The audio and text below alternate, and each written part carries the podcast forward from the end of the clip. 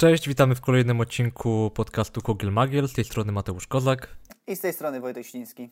W tym tygodniu chcielibyśmy porozmawiać o ekologii, o tym, jaki wpływ my jako ludzie mamy na naszą planetę i co moglibyśmy robić, żeby być bardziej proekologiczni.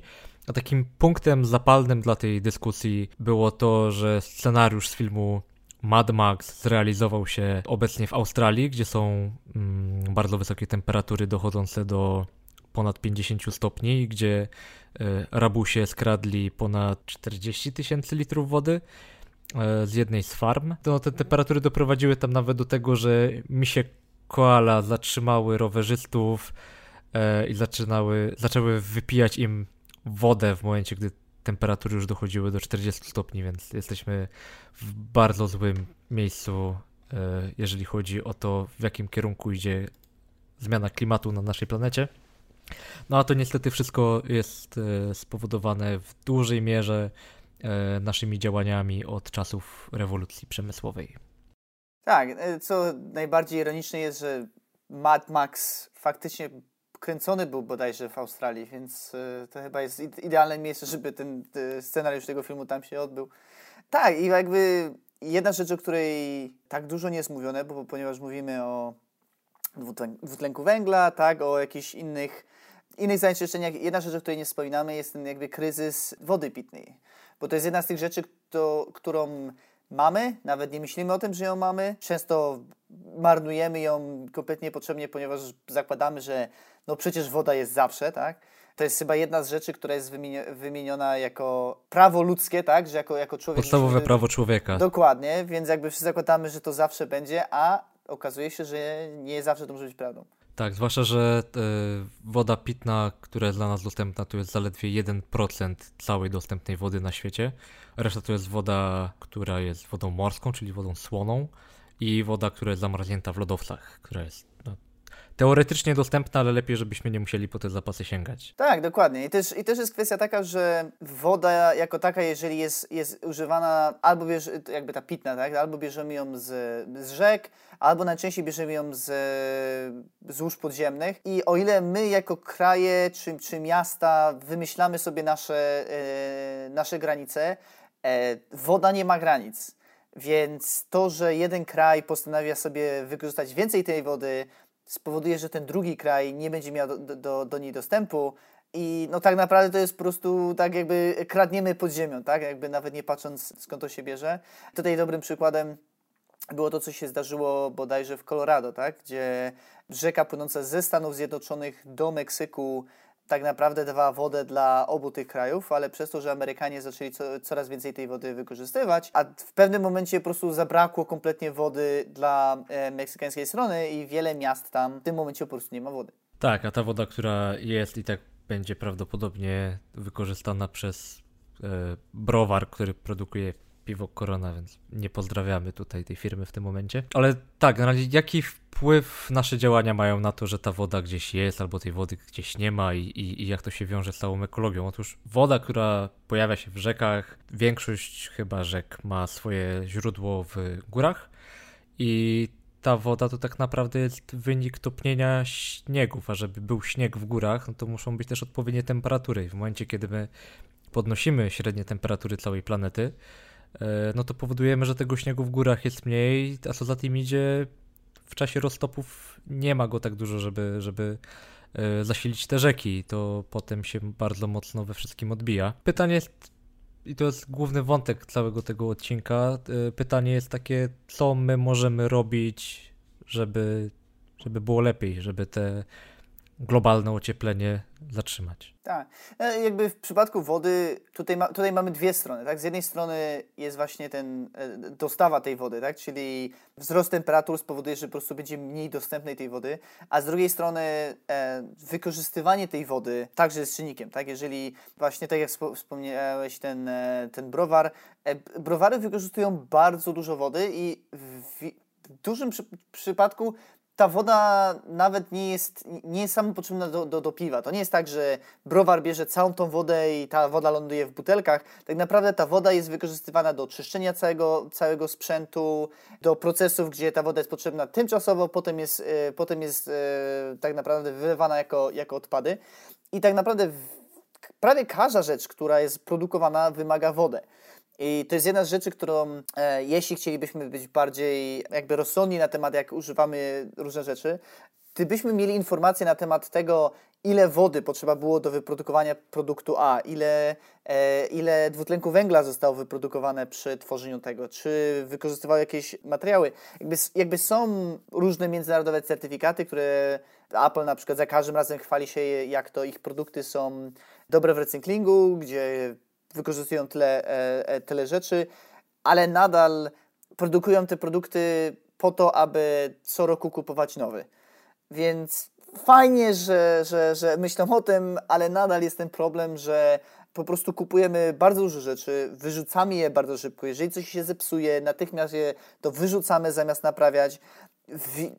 Jakby wielu z nas nawet nie wie, jak naprawić niektóre rzeczy. Niektóre rzeczy są skonstruowane, żeby nie dało się ich naprawić. Dokładnie i jest też taki ten, e, jakby ten proces celowego postarzania sprzętów wszelakich. No ale akurat tutaj jest ten dobry element, który wprowadziła Unia Europejska, który tak wchodzi chyba teraz od 1 stycznia 2020 roku, który zakłada, że producenci będą mieli obowiązek dostarczać części zamienne do produktów, które sprzedają na rynku europejskim, więc skończy się sytuacja, w której kupujesz pralkę, a po trzech latach nie jesteś w stanie kupić e, do niej części, a akurat zepsuła się po okresie gwarancji, bo to bardzo często się tak łączy. No i to jest jeden z powodów, dla których też potem mamy tyle śmieci, bo ludzie nie mają jak naprawić tych rzeczy, albo często jest tak, że nawet jeżeli jest fizyczna możliwość naprawienia jakiegoś sprzętu AGD czy RTV, e, to to jest nieopłacalne, bo nowy telewizor kosztuje przykład 1200 zł, a wymiana w nim płyty głównej albo czegoś kosztuje około 800. E, I to jest ten kolejny problem, gdzie za, czasami jakby chcielibyśmy to naprawić, ale okazuje się, że zamiast naprawić, tak naprawdę byłoby taniej to, to kupić.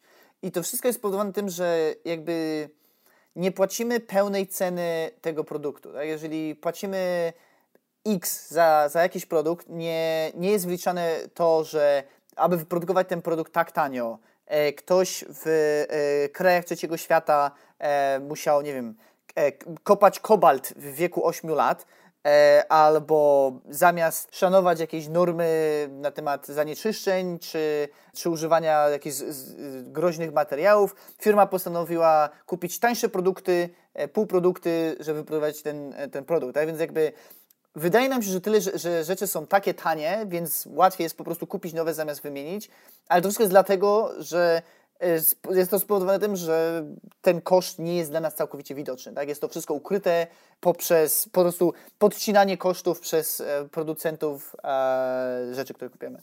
Tak, ale nawet jeżeli chodzi. Znaczy w ogóle tutaj producenci są najbardziej winni, bo chociażby na przykładzie samochodów, e, w momencie gdy producenci stwierdzili, że jest coś takiego jak long life dla wymiany olejów i nie trzeba już oleju w samochodzie wymieniać co 15 czy nawet 12 tysięcy kilometrów, tylko wystarczy co 30. E, I okazuje się, że samochody, które były produkowane 30 lat temu, potrafią przejechać 800 tysięcy kilometrów, milion e, kilometrów i wciąż jeżdżą. Tak, nowoczesne samochody, które są traktowane dokładnie według zaleceń producentów, czyli właśnie te e, dwuletni interwał wymiany oleju lub 30 tysięcy e, przebiegu. Do tego producenci często nie zalecają wymiany oleju w skrzyni biegów. E, w samochodach z napędem na cztery koła czasami nie, wy, nie zalecają wymiany oleju w e, układzie przeniesienia napędu. I się okazuje, że samochód, który ma 200-250 tysięcy przebiegu to jest maksimum, co ten silnik jest w stanie przeżyć. Jest do wywalenia, ale tu tak, te oleje są coraz lepsze, te wszystkie procesy technologiczne, jeżeli chodzi o budowanie tych silników, są coraz lepsze, ale chociażby filtr oleju nie zwiększył nagle swojej objętości. Cały ten syf, który się zbiera w trakcie y, pracy silnika, no on już, on już nie ma gdzie się zmieścić. Jasne, jeżeli jasne. Ktoś, jeżeli ktoś wymienia ten, ten, ten olej co dwa lata, nie co roku, czy nawet częściej, no to, to po prostu zostaje wszystko w silniku. To jest cały czas tam w obiegu i, i, i, zużywa wszystko. I... I to też jest, też jest tutaj kwestia, gdzie silniki się stają coraz bardziej skomplikowane i dzięki wszystkim normom unijnym i międzynarodowym na temat, na temat spalania, e, na temat jakby, jakby zanieczyszczeń, tak, ale także konsumpcji paliwa, producenci próbują robić te silniki coraz bardziej wydajne, żeby po prostu mogły tak naprawdę wycisnąć jak najwięcej mocy z tego silnika, ale to ostatecznie też powoduje, że ten silnik działa jakby tak już na granicy swoich możliwości, tak? Jakby, jeżeli mówimy o tych e, tam, tam, nie wiem, powiedzmy tam 50 lat temu, gdzie był silnik V8 w starym Mustangu, ten silnik chodził na jakimś, nie wiem, może 20% swojej, swojej możliwości, tak? Potrafił, potrafił mieć o wiele więcej, ale dzięki temu potrafił ten silnik działać przez te 50 lat i jedyne, co trzeba robić, to go może wyczyścić raz na jakiś czas i uszczelki wymienić, tak?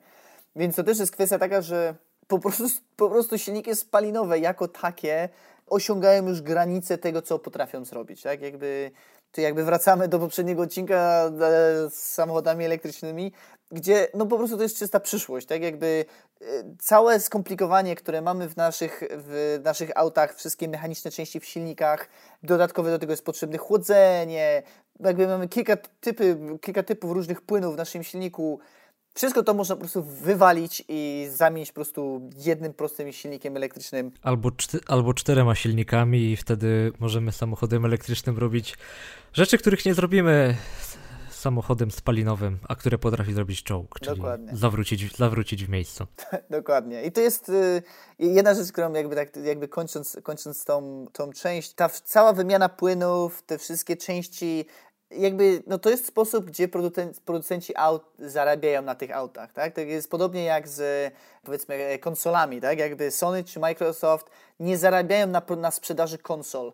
Oni sprzedawają tak naprawdę na, na, na grach, które są sprzedawane dalej. Producenci drukarek nie zarabiają na drukarkach, oni zarabiają na tuszach, które są sprzedawane dalej. Tak samo producenci aut troszkę zarabiają na sprzedaży aut, ale tak naprawdę na czym oni zarabiają, to jest na ASO i na po prostu no, na kolejnym wyciąganiu ciebie, żebyś dalej wracał do, e, do, do naprawy, tak? I, i, to jest, I to jest ta rzecz, gdzie po prostu bardzo dużo rzeczy, gdzie patrzymy, wraca to do tego, gdzie patrzymy na cenę, wydaje się, że to jest niskie, ale tak naprawdę długofalowo jest bardzo dużo ukrytych kosztów, o których teraz nie wiemy, a producenci pozwalają sobie na, na po prostu okłamywanie nas i twierdzenie, że nie, nie, nie, to jest, to jest bardzo tanie. Tak? Więc... No ale właśnie to, to, o czym teraz mówiliśmy, to tylko jeden z elementów e, tego całego walczenia z brakiem ekologii, e, jakby walczenia na rzecz bardziej ekologicznego życia, czyli używać dłużej rzeczy, które już mamy, nie kupować nowych jak tylko się zaczynają psuć, tylko próbować to ratować. Powstają takie centra. Nie jestem pewien, jak to wygląda w Europie, ale wiem, że w Stanach się dużo zrobiło takich klubów, w Wielkiej Brytanii, w Niemczech chyba też, gdzie możesz przynieść swój sprzęt i ludzie, którzy się na tym znają, pomogą ci go naprawić. O. E, albo nauczą cię, jak wymienić części w jakimś twoim urządzeniu, pomogą ci. Teraz jest właśnie fajne to, że jest taki stosunkowo łatwy dostęp do drukarek 3D, do różnych schematów gdzie części, których nawet nie da się w oficjalnej dystrybucji kupić, można sobie dodrukować. Tak, tak. Część, część elementów jakichś tam elektronicznych też da się wymienić. Czasami można je czymś innym zastąpić. Czasami no, wymaga tu jakiejś wiedzy na temat tego, jak podłączyć różnego rodzaju elektronikę, jak to zlutować, jak to zmontować. E, ale to nie jest, to nie jest coś, czego nie da się zrobić. To Niestety jest trochę wiedza taka tajemna, zamknięta dla jakiejś tam grupy hobbystów, którzy się tym potrafią zająć. E, ale fajne, fajne, że robią się takie ruchy, które pomagają innym ludziom tym, żeby te ich sprzęty działały jak najdłużej. Ale już abstra abstrahując od tego, żeby e, najlepiej nie kupować nowych rzeczy i używać jak najdłużej to, co, to, co mamy, no to jeszcze kolejnymi kwestiami związanymi z e, bardzo dużym chociażby zanieczyszczeniem powietrza jest ogrzewanie ogrzewanie budynków, ogrzewanie domów, w których, w których mieszkamy, budynków, w których pracujemy. Albo chłodzenie, jeżeli jesteśmy w Hiszpanii, powiedzmy. Tak, widzisz, o tym nie pomyślałem. No dobra, w Polsce też już się nad tym chłodzeniem trzeba, trzeba latem trochę bardziej zastanawiać. No i tu w zależności od kraju albo są, w zależności od kraju, od tego, gdzie w tym kraju się mieszka, albo są jakieś sensowne opcje na odejście od tych tradycyjnych przynajmniej w Polsce, form ogrzewania, czyli węgla, e, drewna i śmieci. O tyle w miastach w, miastach nie ma tego problemu, tak? Zazwyczaj. Są jakieś elektrociepłownie, jest sieć ciepłownicza, do której budynki można podpiąć. Wiadomo, że jest problem ze starszymi budynkami, z jakimiś kamienicami, w których nie zawsze jest możliwość, żeby poprowadzić te wszystkie rury, zarówno techniczna, jak i finansowa. I tu też tam dochodzą jakieś różne kwestie własności, czyja ta kamienica jest, czy jest ten budynek, się potem okazuje, że nie ma właściciela, nie ma kto za to zapłacić, albo jest, ale się nie zgadza i nie można. E, o tyle w, na wsiach, w bardziej oddalonych od miast miejscach, czy takich, gdzie jest e, bardzo rozproszona zabudowa, no to tych alternatyw nie ma do końca takich prostych. Tak. Znaczy, no to jest to, że alternatywy są, ale niestety są drogie. I to jest to, gdzie jakby. Ni niestety, jakby, ale wszyscy musimy się na to zrzucić. Jeżeli mieszkamy sobie w mieście i nie mamy tego problemu, no niestety nadal powinniśmy być tymi, którzy dopłacą do modernizacji cudzych pieców, cudzych mieszkań, tak, żeby było izo była izolacja, bo to też jest kolejna rzecz, jakby fajnie, można wymienić piec, ale jeżeli dom nie jest kompletnie izolowany, to całe to cię po prostu ucieknie, tak, więc jakby te wszystkie, e, te wszystkie modernizacje, które, które musimy zrobić, e, ktoś musi za to zapłacić. I, i jakby często jest takie, o Unia zapłaci, no ale Unia jakby magicznie pieniędzy znikąd nie bierze, tak? Jakby te pieniądze skąd się biorą, ktoś, musi, ktoś zapłacił podatki i stąd są te pieniądze. I to uważam, że jak, jak oczywiście każdy, kto jest trochę bardziej konserwatywny, powie, że nie, kraj tutaj się powinien odczepić ode mnie, e, każdy powinien tutaj być na swoim.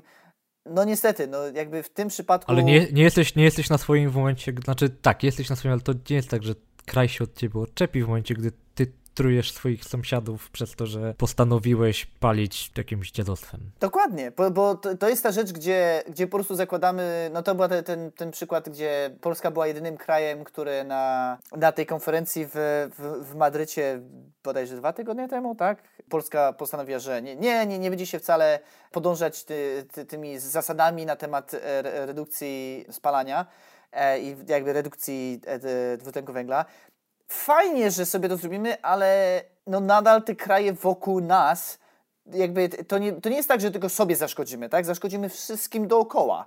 Więc to jest, taka, to jest taki moment, gdzie tak naprawdę przez to, że to jest globalny problem, musimy działać globalnie i nie może być tak, że, że jeden sobie powie, że a, my tego nie będziemy robić. No musisz to zrobić, bo to, to nie jest tak, że szkodzisz tylko sobie. Tak? tak samo jak zrobiliśmy zasady, że nie powinno się e, palić w miejscach publicznych, ponieważ szkodzisz nie tylko sobie, tak? Ale odnośnie do, do tego, co powiedziałeś przed chwilą, to nie jest tak, że Polska była jedynym krajem, który się z tego wycofał. Polska była jedynym krajem w Unii Europejskiej, który tego nie poparł, tak, ale chciałbym przypomnieć, że ustalenia na tym szczycie w Madrycie nie doszły do skutku przez Chiny i Indie, które stwierdziły, że one w tym brać udziału nie będą, bo oni się chcą rozwijać. E, I tu dochodzimy trochę do tego, co my powinniśmy zrobić w momencie, gdy kraje na drugim końcu świata mówią, że kraje rozwijające się bardzo szybko swoją drogą, e, mówią o tym, że one nie, nie będą w tym brały udziału, bo, bo nie.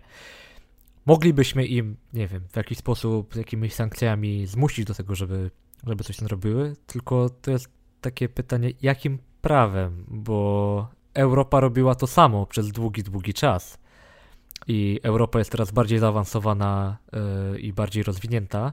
I teraz takie, no, my już doszliśmy do tego etapu, gdzie możemy sobie jakoś tam lepiej żyć, a ta reszta niech się buja. Nie pozwolimy im na to, żeby się rozwijali w taki sam sposób, jak my to robiliśmy, bo nie, bo, bo, bo nas to będzie truło i będzie to truło wszystkich innych. No to jest trochę takie. No i też jest kwestia, że w przypadku na przykład Chin proszę bardzo, spróbuj zrobić sankcje przeciwko Chinom. Jakby, je, jeżeli nasze gospodarki wszystkich naszych krajów tak bardzo polegają na Chinach, no w tym momencie Chiny urosły do takiego, takiego poziomu, że no możemy je bić kijkiem, ale kijek się złamie. Tak jakby... I, i, to, jest, I to jest to, że no no to jest, to jest bardzo ciężki problem, bo to nie jest problem techniczny, tak, ponownie. To nie jest, to nie jest że, że brakuje technologii, tylko to jest problem polityczny, geopolityczny i tak naprawdę, tak, każdy powinien mieć prawo do rozwijania się w tym samym tempie i tak jak właśnie mówisz, no, no Indie, Chiny, są, są kraje, które, które po prostu miały, zauważyły bardzo duży wzrost przez ostatni czas. I tak na przykład y, palenie Amazonki też jest spowodowane tym, że nowy rząd... Amazonii. Amazonii jest też spowodowany tym, że nowy rząd postanowił po prostu, że Brazylia chce się rozwijać. Nas nie obchodzi jakim kosztem, tak? Jakby to jest, to, to, jest nasze, to jest nasze złoto i będziemy to nasze złoto używać. No niestety wszyscy na tym, na tym cierpimy, tak? Tak, ale akurat w przypadku Brazylii, no to kwestia jest też taka, że to, co już zostało tam zniszczone, e, jeżeli chodzi o zasoby naturalne, czy w ogóle naturę jako taką, gdzie te wszystkie miasta powstały, to, to, to zaczęliśmy my, Europejczycy, właściwie Portugalczycy, tak? kiedy, kiedy ich podbijali. To tak samo, tak samo jak wspominałeś o tym braku wody w Meksyku, no to przecież miasto Meksyk, zanim przybyli tam hiszpańscy koloniści, to było miasto, które znajdowało się na jeziorze, a potem przypłynęli Hiszpanie i miasto wysuszyli, znaczy jezioro wysuszyli. No i teraz takie... Kto, kto powinien być za to odpowiedzialny? Hiszpania powinna teraz płacić jakieś... No to jest... Za, za... No to jest właśnie pytanie, tak? To było e, tak samo jak można powiedzieć, a Niemcy nas zaatakowali wtedy, oni powinni nam coś teraz oddać. No jakby można sobie tak patrzeć na historię i wytykać palcami, ale prawda jest taka, że jakby wszyscy chcemy iść do przodu, tak? Więc jakby zabranianie jakiegokolwiek postępu krajem rozwijającym się, to, to, nie jest, to nie jest sposób, tak? Jakby tak naprawdę ucierpi na tym bardzo dużo ludzi, tak? W sensie jakby dosłownie miliardy. Moglibyśmy próbować kooperować z nimi, tak? Jakby próbować coś zrobić razem, bo no to, to jakby ilość zasobów czy, czy, czy jakiegokolwiek nie wiem, bogactwa tak? w, w Europie czy w Stanach Zjednoczonych nadal to nie jest, nawet jeżeli byśmy to, no jeżeli wzięlibyśmy tych tym 10 najbogatszych ludzi na świecie i redystrybuowali ich pieniądze, prawdopodobnie wiele ludzi, wielu ludziom życie by się ulepszyło, ale to jest, to jest temat na inny odcinek. Ale no tak, jakby, no wydaje mi się, że powinniśmy pracować razem. No jak dokładnie, no niestety y, geopolityka nie jest, nie jest moją najsilniejszą stroną, więc no tutaj niestety nie mogę pomóc. Mhm. Ale wracając do tego, e, co mówiliśmy o tym, że co zrobić z tym ogrzewaniem tych domów, które są poza miastami, bo powiedziałeś, że są alternatywy, ale są kosztowne. E, nie wszędzie są te alternatywy, no bo jaką alternatywę tak na dobrą sprawę masz, gdy ktoś ma 180-200 metrowy dom, który ma lat 50-60, takich domów jest w Polsce sporo, który się znajduje na wsi, nie ma tam gazociągu, palony jest węglem, dom nie jest ocieplony, bo kto o tym kiedyś myślał. Ludzie może nie są jakoś specjalnie zamożni i teraz jaką masz alternatywę? No, znaczy alternatywa... Możesz, możesz im dopłacić do tej, do tej izolacji, Możesz im dopłacić i to dużo gmin robi, że finansuje wymianę kotła, no ale taki kocioł kosztuje na przykład 15 tysięcy złotych na taki dom. Gmina zwróci może z 6-7, więc wciąż zostaje kupa pieniędzy do zapłacenia za to. I teraz y, paliwo do tego kotła to już nie będzie najtańszy węgiel tam po 500 czy 600 zł za tonę, który ktoś sobie kupował, to już trzeba mieć y, groszek, idealnie eko groszek, y, który się nagle się okazuje, że kosztuje 900 czy 1000 zł za tonę. I mimo, że spalisz go odpowiednio mniej, to, to wciąż jest trochę podnoszenie kosztów tego życia dla Jasne, tych ludzi. No, I... tylko to jest, ten, to, to, to znowu wracamy do tego e, ukrytego kosztu, tak? Ten węgiel jest tani, jest tani z jakiegoś powodu, tak? Ponieważ płacimy za to, tylko że w inny sposób, tak? Płacimy to za to zwiększaniem się temperatury, płacimy za to e, większą ilością e, osób chorych na astmę, e, jakby to wszystko to tak samo, e, tak samo wiesz, z, z dieslem. Diesel jest tani, nie? Taniej jest jeździć dieslem, no z jakiegoś powodu. Jakby, no, to, to niestety jest to, no, rzeczy są droższe z jakiegoś powodu. Tak, faktycznie, czasami to jest po prostu fanaberia i, i, i coś po prostu drogie tylko po to, aby było drogie i luksusowe, ale w wielu przypadkach to jest drogie, ponieważ jest lepsze.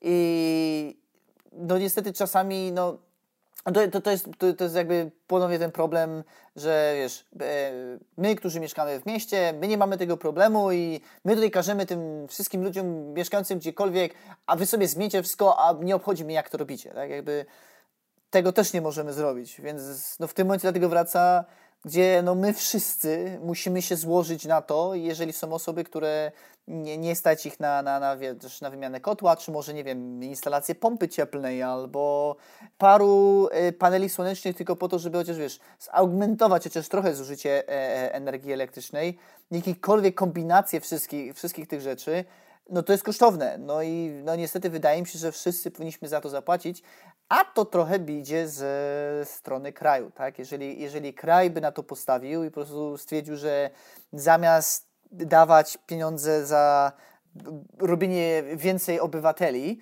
e, nie, nie, nie, idź, nie idź w tym kierunku. E, te pieniądze by poszły na to, aby istniejącym obywatelom życie było lepsze, no to, to mogłoby mieć trochę więcej benefitów niż, niż aktualne plany rządowe.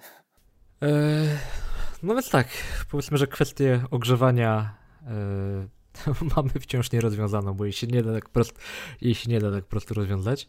E, kolejną rzeczą jest transport i tutaj powiedziałbym, że może trochę odważna teza. Samochody są jednym z bardziej ekologicznych środków transportu. Nowoczesne, spalinowe samochody. Zaraz po pociągach. Bo jeżeli porównamy to sobie do chociażby samolotów i tego, i ile tego paliwa lotniczego jest spalane i, i co z tego wychodzi, albo, i tu teraz jest e, coś, o czym pewnie większość ludzi nie myśli, statki wycieczkowe. Statki wycieczkowe, które jak tylko wpływają na wody międzynarodowe, przełączają się na niesamowicie zasiarczone paliwo, e, które, którego jakby efekt spalania jest e, uwalniany do atmosfery i ląduje w tych wszystkich nadmorskich miasteczkach, nadmorskich kurortach. No właśnie, to jest to. Jest to. Mieszkając, e, mieszkając w Walencji, to jest ta, ta rzecz, która najbardziej gotuje, gotuje mi, mi krew w żyłach gdzie patrząc, patrząc na statystyki, te wszystkie właśnie statki rejsowe, które pływają sobie tutaj po morzu czy, czy, czy y, po oceanie, tak naprawdę całe zanieczyszczenie w całej Hiszpanii, e, produkowane przez wszystkie auta w Hiszpanii, to jest jedna dziesiąta tego, co produkują wszystkie statki. Czyli nawet jeżeli byśmy sobie wyobrazili, że magicznie zniknęło wszystkie auta w całej, na całym Półwyspie Iberyjskim, nadal nadal 9 razy... To nic nie zmieni. To, to nic nie zmieni, tak? Jakby nadal będzie 90% tego zanieczyszczenia z tych wszystkich statków. Gdzie kompletnie nie rozumiem, dlaczego ktoś chciałby być na statku, który gdzieś płynie gdzieś, gdzieś jest zamkniętym z nieświeżym jedzeniem. Nie wiem, wolę, wolę faktycznie być w przyrodzie i sobie trochę, trochę pozwiedzać ale, ale tak, jakby jeżeli nie jesteśmy w stanie zrobić. Pływanie tymi statkami in, jakby innymi niż promy, które łączą ze sobą dwa miasta i, i e, pełnią funkcję ściśle transportową, to pływanie tymi wycieczkowcami, które sobie są na morzu przez tam ileś dni czy tygodni, to nie ma żadnej pozytywnej wartości poza rozrywką i konsumpcjonizmem tak naprawdę. Bo to, to, to niczemu nie służy. To jest, to jest też trochę tak jak latanie kilka razy w ciągu roku w różne miejsca świata, bo można, bo stać, bo się chce, no ale ma jakąś cenę, nie? I ceną tego jest właśnie yy, no, kolejne zanieczyszczanie tego, tego powietrza i no, są już przecież yy, plany w Unii również, żeby yy, zwiększyć ceny biletów dla ludzi, którzy latają więcej niż ileś tam razy w roku. E, co jest trochę odważnym pomysłem, bo to też są ludzie, którzy latają w sprawach biznesowych. Z drugiej strony, sorry, ale żyjemy w takich czasach, gdzie masę rzeczy da się załatwić e, przez internet. No, my nagrywamy tak, podcast przez internet. Dokładnie. W, w, Mieszkając na dwóch różnych końcach Europy właściwie, więc e, Dokładnie. Tak, no i no pracujemy, tutaj... pracujemy zdalnie od lat obaj. Jasne, jasne. E, to da się zrobić. To nie jest tak, że koniecznie trzeba pojechać gdzieś tam i się z kimś spotkać, żeby coś omówić. To jest... No to jest to jedno, co, wspomnie, co tutaj wspomniałeś, że e, auta są bardziej, bardziej ekologiczne niż, niż samoloty, jeżeli chodzi o wiele podróży. Tak, i kwestia, bo kwestia jest taka, że samolot tak naprawdę jest po to, aby dotrzeć gdzieś bardzo szybko. Przelecenie z Walencji do Warszawy 2,5 godziny bodajże, tak? Jakby nawet wliczając to, że trzeba przejść przez ochronę, przez wszystkie te rzeczy, no nawet doliczając to, no nie ma opcji, żeby tą, ten sam dystans przebyć jedną piątą z e, e, autem, tak? I, i, teraz, I teraz kwestia jest taka, że popularność lotów spowodowała, że bardzo dużo ludzi po prostu zaczęło latać wszędzie, tak? Mamy, mamy Ryanair, mamy Wizz Air, sam niestety jestem winny temu, jakby, że latam w różne, w różne miejsca. I, i, teraz, I teraz kwestia jest taka, że moim zdaniem jedna rzecz jest dobra z tego, gdzie ludzie faktycznie polecą w inne miejsce, zobaczą inne miejsce, poznają inne kultury, poznają innych ludzi. Po prostu potrafią zobaczyć, że e, i jedna rzecz, pamiętam jakby z, e, z jakby zwiedzania różnych krajów, mieszkania w różnych krajach, rozmawiania z różnymi ludźmi, najciekawsza, najciekawsza rzecz y, z poznawania innych ludzi to są dwie rzeczy. Jedna jest, jak bardzo ci ludzie są inni od nas, jak, jakie mają rzeczy, które oni robią, które dla nas są dziwne, jakby dlaczego to robisz, u nas tego nie robimy. A druga rzecz jest, jak bardzo są do nas podobni. Bo wtedy widzimy, jakie są rzeczy, które tak naprawdę nieważne z jakiego kraju jesteśmy, nieważne jakie, jaką, jaką religię mamy, jakie rasy, są rzeczy, które po prostu są ludzkie, tak? I, I wydaje mi się, że ludzie latający w różnych miejscach, gdzie normalnie by nie polecieli, są w stanie doświadczyć tych, tych dwóch rzeczy. Mam nadzieję, że e, w większości przypadków coś tam zostanie w główkach. Czasami prawdopodobnie nie i po prostu będzie patrzeć, dlaczego ci ludzie są tacy dziwni. Ale jeżeli chodzi tak, ale to o, czym, to, to, to, o czym mówisz, zadziała w momencie, gdy jedziesz na własną rękę do innego kraju i jesteś zainteresowany tym, żeby coś tam zobaczyć, a nie w momencie, gdy ktoś leci na zorganizowaną przez biuro podróży wycieczkę po to, żeby się wygrzać na plaży w Egipcie, Turcji. Nawet nie na plaży, tylko przy basenie w hotelu. Tak, co jest, co, co też chyba wraca do takiego, do, do, do tych statków wycieczkowych, gdzie, gdzie tego typu turystyka to, to jedyne co jest to po prostu pójdź gdzieś, gdzie będzie ciepło i możesz pić o 12 bez, bez zastanawiania się, czy, czy, czy to już jest alkoholizm, tak? Jakby no to jest, to jest tak, większość tego typu jest od, odpoczywanie, tak? Jakby to równie dobrze można by to robić w, gdziekolwiek, tak? Jakby prawdopodobnie nikomu by to nie zrobiło różnicy, jeżeli zamiast e, patrzeć na okno, czy, czy, czy patrzeć, patrzeć na, na,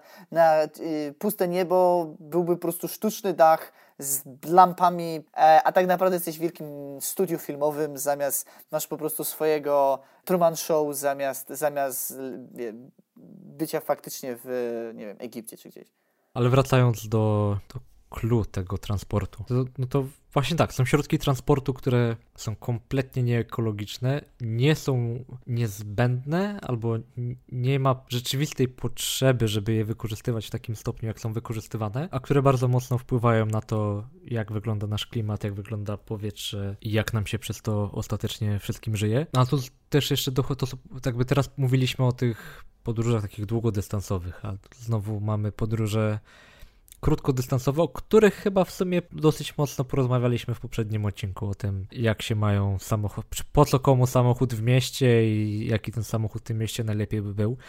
Tutaj odsyłamy do, do poprzedniego odcinka. Jedno, o którym nie wspomnieliśmy, to są dystanse jakby średnie, tak? Czyli Warszawa-Gdańsk, e, Madryt-Barcelona. Tak jakby to są Pociągi. dystanse, dokładnie, to są dystanse, gdzie wiele ludzi lata i moim zdaniem te linie po prostu powinny być zlikwidowane. To jest jakby kompletnie nie ma potrzeby przejechać samolotem, a pociągiem obiecuję, że będzie szybciej. Na pewno będzie szybciej. Można na ze pewno sobą będzie wygodniej. Na pewno będzie wygodniej. Więc jakby to są, tego typu połączenia moim zdaniem powinny być kompletnie zlikwidowane i, i po prostu infrastruktura kolejowa, która w większości przypadków, jeżeli są połączenia lotnicze tego typu, prawdopodobnie jest też połączenie kolejowe. Więc wydaje mi się, że w tym przypadku powinniśmy to kompletnie zdelegalizować. Jeżeli chodzi o podróże długodystansowe, moim zdaniem ponownie Y, bilet lotniczy w Ryanerze jest powiedzmy, nie wiem, 50 zł. Zbyt tani. tak? Ale jest właśnie ponownie, jest tani z jakiegoś powodu, tak? Jakby coś płacimy w inny sposób. Więc wydaje mi się, że po prostu yy, widziałem, że niedawno e, Ryanair dodał opcję offsetowania za 1 euro do lotu. Nie wydaje tak, mi się, że lot, ten jeden... lot też wprowadził coś takiego chyba w wysokości 5 euro. Tak, ale nie wydaje mi się, że jeden euro cokolwiek zmieni. Wydaje mi się, że to jest na zasadzie takie, a żeby zamknąć tych, tych e, hi, zielonych hipisów, żeby po prostu się do nas nie czepiali. E, a co mi się wydaje, że to najlepsze by było po prostu faktycznie mieć legislację, gdzie do każdego lotu jest po prostu doliczana kwota faktycznego offsetu, gdzie jest weryfikowane, że te pieniądze faktycznie pójdą na, na offsetowanie tego dwutlenku węgla. W tym momencie tak, ceny podskoczą wszystkich, wszystkich biletów. Nie powinny podskoczyć na tyle, aby osoby, które latają raz do roku na wakacje, e, żeby nie było ich stać na to, ponieważ ich loty prawdopodobnie i tak nie są takie, takie długie, tak? jeżeli ktoś lata, lata z Polski do, do, do Włoch albo do, do, do Hiszpanii. Ale osoby, które latają bardzo często, no nagle trochę ich to uderzy w portfel, no ale bądźmy szczerzy, jeżeli ktoś lata tak często, prawdopodobnie i tak ich stać na to, aby dopłacić trochę więcej za to i wtedy powinni zapłacić cenę za, za to. A jeżeli nie, to będzie znaczyło tylko i wyłącznie, że tak naprawdę nie potrzebuje tam lecieć i może się zastanowi nad tym, czy faktycznie musi gdzieś się wybrać. To może przejdźmy do kolejnego punktu, który sobie tu zaplanowaliśmy, czyli recykling i śmieci. I to jest w ogóle gorący temat zwłaszcza w Warszawie ostatnio, gdzie opłata za zbieranie śmieci wzrosła czterokrotnie, pięciokrotnie. Za jedno mieszkanie to jest teraz od nowego roku jeżeli dobrze pamiętam, 94 zł, niezależnie od liczby mieszkańców. To jest niby rozwiązanie tymczasowe, e, zobaczymy, co z tego wyjdzie. I co ostatnio wprowadziły firmy odbierające śmieci, mogą odmówić odebrania kontenera ze śmieciami, jeżeli śmieci nie są segregowane odpowiednio. Co jest kwestią bardzo powiedziałbym, kontrowersyjną, dlatego że to doprowadza do zbiorowej odpowiedzialności. Dlatego, że A to nigdy nie działa. Masz, masz, masz 100 mieszkańców w bloku i 20 nie będzie segregowało 80 takich, śmieci nie będą odebrane. De facto nie masz jak tych ludzi zmusić do tego, żeby, e, żeby zaczęli segregować, a części ludziom się nie dziwię, że tego nie robią, dlatego że widzą prawdopodobnie, jak te wszystkie kubły i zawartość tych kubów razem ląduje w jednej kabinie, znaczy w jednej tej samej komorze w śmieciarce i mają takie poczucie, po co ja to mam segregować, jeżeli to ląduje razem. Oczywiście to potem jest łatwiej segregować na, na już w sortowni i to pewnie gdzieś dalej jest rozsądnie rozdzielane, ale niektóre miasta rozwiązały to tak, że właśnie komora jest podzielona na odpowiednie części. Do jednej idzie ten plastik, do drugiej idzie szkło, do trzeciej idą części zmieszane, albo w ogóle inna śmieciarka odbiera śmieci zmieszane. Y, ale jeżeli ktoś tego nie wie, bo brakuje, brakuje trochę y, edukacji na temat tego, jak to jest potem recyklingowane, w sumie nie jest jakąś wiedzą niedostępną, bo można nawet na YouTubie znaleźć wycinek z takiego dokumentu, który nagrywało Discovery. Jak działa miasto? I na przykładzie właśnie Warszawy było opisane, jak działa cały proces zbierania śmieci i recyklingu tych śmieci. Bardzo, bardzo, bardzo fajny odcinek. Polecam poszukać na YouTubie, jak działa miasto. Ale jest jeszcze kwestia tego, że nie wszystko da się. Raz, że nie wszystko da się recyklingować. Dwa, że produkujemy śmieci za dużo, dużo za dużo. Najprostszy przykład woda butelkowana. Filtr wielorazowy, taki Brita dzbanek do filtrowania wody w domu kosztuje pewnie jakieś 50 zł od razu z, tam z filtrem. Dla czteroosobowej rodziny wystarcza to na miesiąc, a woda butelkowana to jest złoty 80 za półtora litra chyba, tak powiedzmy średnia cena. No ile takich but, jakby wypijesz tych butelek dużo, a potem z tym plastikiem coś trzeba zrobić. Trzeba go gdzieś wyrzucić. On, on raz, że zajmuje miejsce, nawet jego zgnieciesz, to zajmuje miejsce, a dwa, że no nie da się tego całego plastiku przerobić w 100%. Znaczy teraz mamy y, problem taki, że te wszystkie śmieci, które wcześniej były wysyłane do Chin, bo Chiny bardzo dużo tego plastiku przyjmowały, y, recyklingowali go, przerabiali i sobie wykorzystywali, y, już nie potrzebują, bo oni już mają tyle swojego, że już nie chcą tych zewnętrznych brać i nagle się okazuje, że i Stany i Europa zaczyna trochę tonąć w śmieciach, bo wcześniej przyszło do Chin, a teraz Chiny tego nie chcą. A potem jest sytuacja taka, że na przykład Norwegia czy inne kraje chwalą się, że oni nie mają u siebie zbyt dużo śmieci, to wszystko gdzieś znika, a znika to w ten sposób, że trafia do Polski i płonie. No, to mi trochę przypomina odcinek Futuramy, gdzie władze Nowego Jorku postanowiły po prostu wziąć całe swoje śmieci i wysłać je gdzieś w kosmos, bo wtedy nie będą musieli się w ogóle bawić z tym problemem, tak? No, Ale ktoś inny będzie się bawił tak, e, no i to jest, to, to jest takie podejście, tak, że jakby, a, no wysimy gdzieś indziej, to nie będzie naszym, nie, nie, będzie naszym problemem. No niestety, no Ziemia jest systemem zamkniętym, tak, jakby wszystko jakoś tam do nas wróci ostatecznie. No i jedna rzecz, którą tutaj wspomniałeś na temat Bryty, jedno co mnie zastanawia, jak recyklingować filtry z Brity ponieważ one nie są proste, one są dosyć skomplikowane, gdzie powinny być wyrzucone, czy one faktycznie coś będzie z nimi robione prawidłowo, czy po prostu będą wyrzucone do... Liczyłem, liczyłem na to, że o to nie zapytasz, że tego nie poruszysz. no widzisz, bo kwestia jest taka, że ja swoje filtry kumuluję. Ja je kumuluję i po prostu zastanawiam się, cholera, co ja mogę z nimi zrobić, bo Ostatecznie to jakby, dobrze, do, do, do wody może już nie są takie dobre, tak, jakby te stare filtry e, e, jakby nadal czuć chlor, już woda nie jest taka dobra e, po tym wszystkim, ale jeżeli masz na przykład wodę z, e, z prysznica, to jakby też, wracamy tutaj do tego tematu używania wody, gdy mamy wodę, wodę z, z prysznica, prawdopodobnie no nadal można ją użyć na przykład do spłukiwania toalety. Gdy zmywamy ręce, gdy, gdy, bo jakby też jest kwestia taka, że e, jeżeli chodzi o, o ścieki, to jest bodajże nazwa brązowej wody i, I, szarej. i szarej wody, tak? Jakby jedną można używać do, do na przykład do podlewania kwiatków albo, albo trawnika, a drugą nie można. Szarej, szarej wody można używać do takich rzeczy. Tak, i, i teraz kwestia jest taka, że używając tych filtrów Brity, prawdopodobnie można jakby dla nich nie byłoby problemem e, odfiltrowanie tej wody, tak? Jakby e, w, tym, w tym momencie one dostają drugie życie, tak, jakby. No ale no nadal, jakby nie widziałem żadnej informacji na temat, jak to robić, jak to robić prawidłowo. A jeżeli chodzi o butelki plastikowe i PET, no to jest też ten, ten taki trochę problem, że mówimy jako plastik, plastik, tak, jakby zakładamy, wszystko jest po prostu, po prostu plastik, no i tak, możliwe, że jest po prostu łatwiej, jeżeli to jest sortowane dalej gdzieś indziej, że my nie jesteśmy tymi osobami, które to sortują, bo prawdopodobnie byśmy to spieprzyli tak i gdzieś tam byśmy to wrzucili. To, I to chyba jest taki powód, dla którego mamy sortownię, tak? Po prostu jest takie założenie, że nawet jeżeli ludzie bardzo chcą sortować, to nadal to gdzieś tam spieprzą po drodze, tak? Jakby nadal powinniśmy zachęcać wszystkich, aby sortowali po swojej stronie, ale ostatecznie... Bo to ułatwi komuś dalej pracę. Tak, dokładnie. To, to, to, jest na tej samej zasadzie, dlaczego idąc ulicą nie powinniśmy wypieprzać śmieci na, na podłogę, bo i tak przecież na ziemię, bo i tak przecież y, ktoś przyjdzie i posprząta. Możemy komuś ułatwić, ułatwić życie, tak?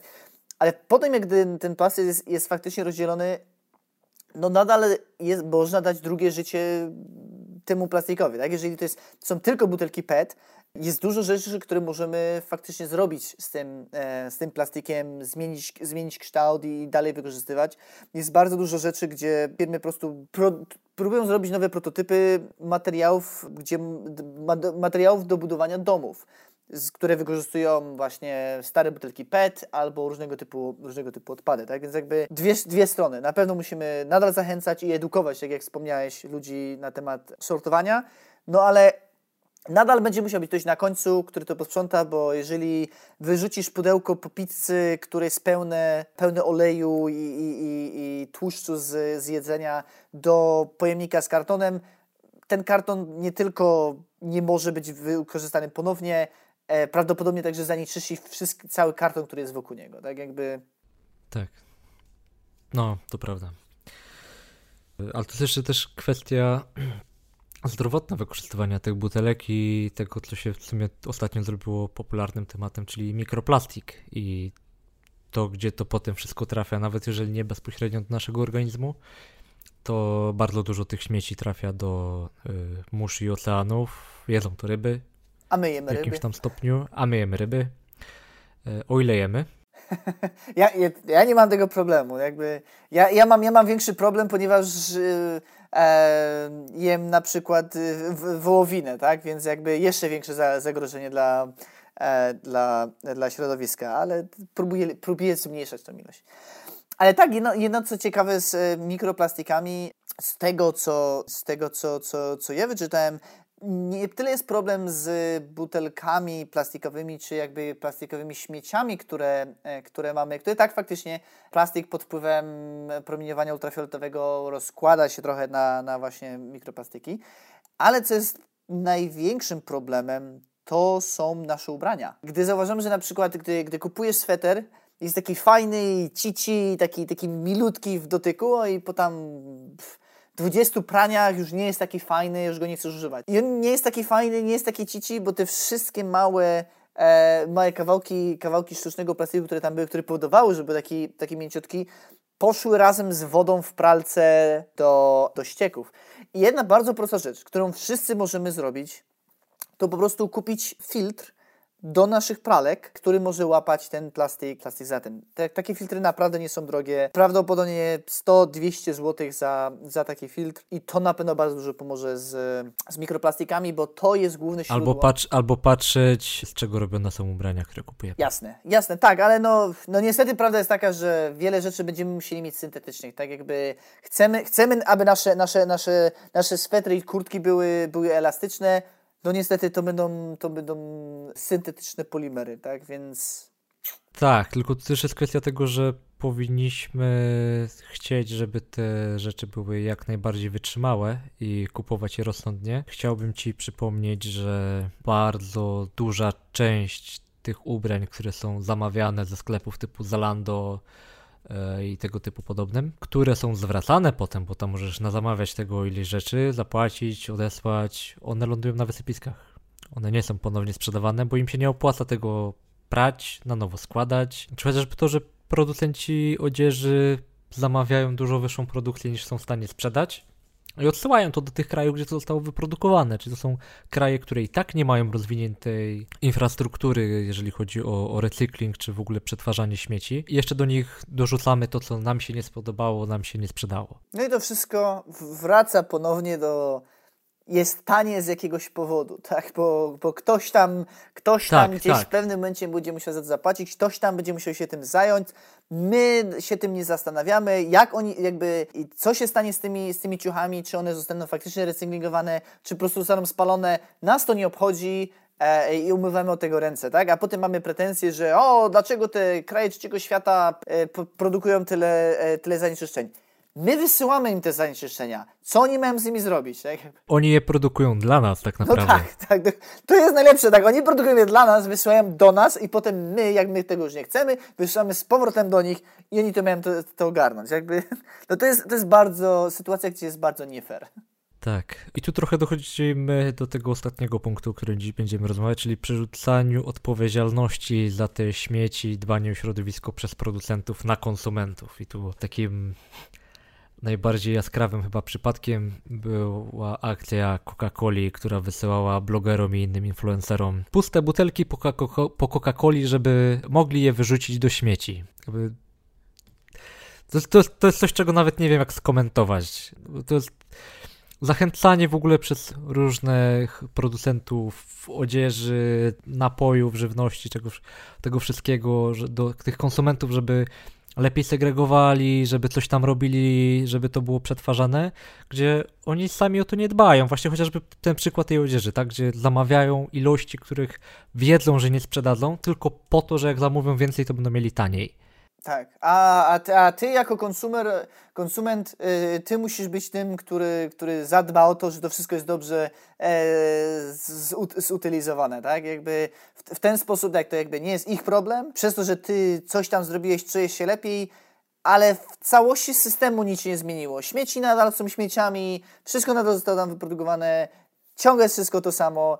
Coca-Cola nadal produkuje Coca-Colę w plastikowych butelkach, zamiast na przykład e, mieć w, w, w, szklanych, gdzie szkło jest bardzo, jest materiałem, który bardzo łatwo jest użyć ponownie. E, i jakby i to, i to wszystko tak naprawdę przechodzi przez wszystko, tak jakby wszystkie rzeczy, które kupujemy, gdzie, gdzie my jako konsumenci jesteśmy po prostu oskarżani, że to wszystko jest wina ludzi, to, to ludzie nie sortują, e, to, to, to ludzie używają tak dużo tych plastików i innych tego typu gdzie to oni, gdzie to właśnie producenci zużywają wodę, produkują tych śmieci, produkują tego wszystkiego więcej niż potrzeba, tylko po to, żeby mieli taniej, bo kwestia skali. I ostatecznie to, że konsumenci i, i, i pojedynczy ludzie zaczną coś zmieniać, to tak naprawdę na całość nie ma wpływu. Znaczy, to... wiesz, to, to jest ponownie to jest cały system, tak? Jeżeli po prostu odmówimy e, kupowania rzeczy, które po prostu jest e, plastik zapakowany w plastiku z plastikowym wrapem, tak? Jakby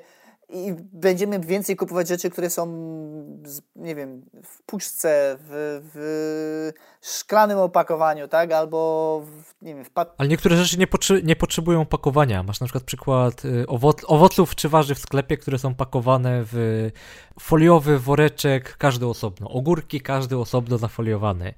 E, jakieś pomidory, każdy, papryka, każdy osobno za, zafoliowana. Po co? Przecież można wziąć i wrzucić do jednego woreczka albo nie wrzucać wcale i tak przed jedzeniem to myjesz. Jasne. No i tak, i to jest, i to, jest to, że właśnie wiele rzeczy jest po prostu, nawet, nawet jeżeli, jeżeli chcesz podjąć tę decyzję i potem, potem stwierdzasz na przykład, nie wiem, kupię większe opakowanie po to, żeby to, żeby trochę zaoszczędzić i potem się okazuje, że to większe opakowanie to jest wielkie plastikowe opakowanie, które w środku ma mniejsze plastikowe opakowania i one mają w środku jeszcze mniejsze plastikowe e, opakowania, więc to jest taka e, po prostu to e, rosyjska, rosyjska babuszka, tak? gdzie, gdzie z tego zrobiona z plastyku, tak? jakby. No i, i to jest to, że jakby co możemy zrobić, tak by faktycznie powinniśmy sortować, ale powinniśmy także wywierać presję na te firmy, twierdząc, przestańcie to robić.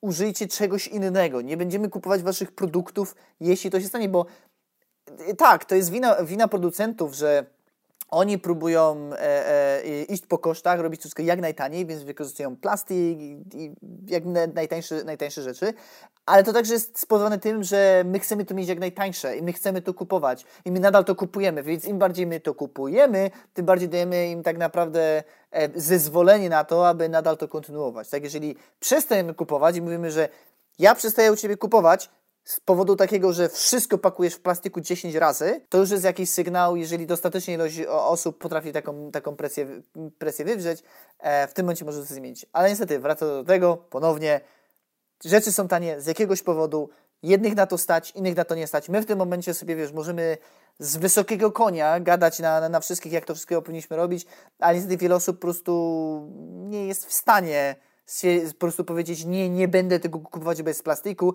no bo to jest jedna rzecz, którą mogą wykarmić ich rodzinę. Ale generalnie wniosek z całej dyskusji jest taki, że powinniśmy bardziej myśleć nad naszymi decyzjami zakupowymi, nad tym, jak podróżujemy i czy gdzieś, gdzie chcemy się wybrać, naprawdę musimy się wybrać i to w, w takim, a nie innym środkiem transportu, w jaki sposób się wybierzemy. I poza tym, że my sami możemy wspomóc cały proces recyklingu, zbierania śmieci i, i, i dbania o środowisko, to kwestia jest taka, że to jest problem systemowy i to my jako ludzie musimy wywierać presję na producentach i na rządach na to, żeby, żeby to oni, którzy mają największy na to wpływ, mogli zacząć coś z tym robić. Ogólnie rzecz biorąc, apatia nic nie zmieni. Wywieranie presji może coś zmienić. Wielkie dzięki za wysłuchiwanie nas w kolejnym odcinku. I do usłyszenia za miesiąc.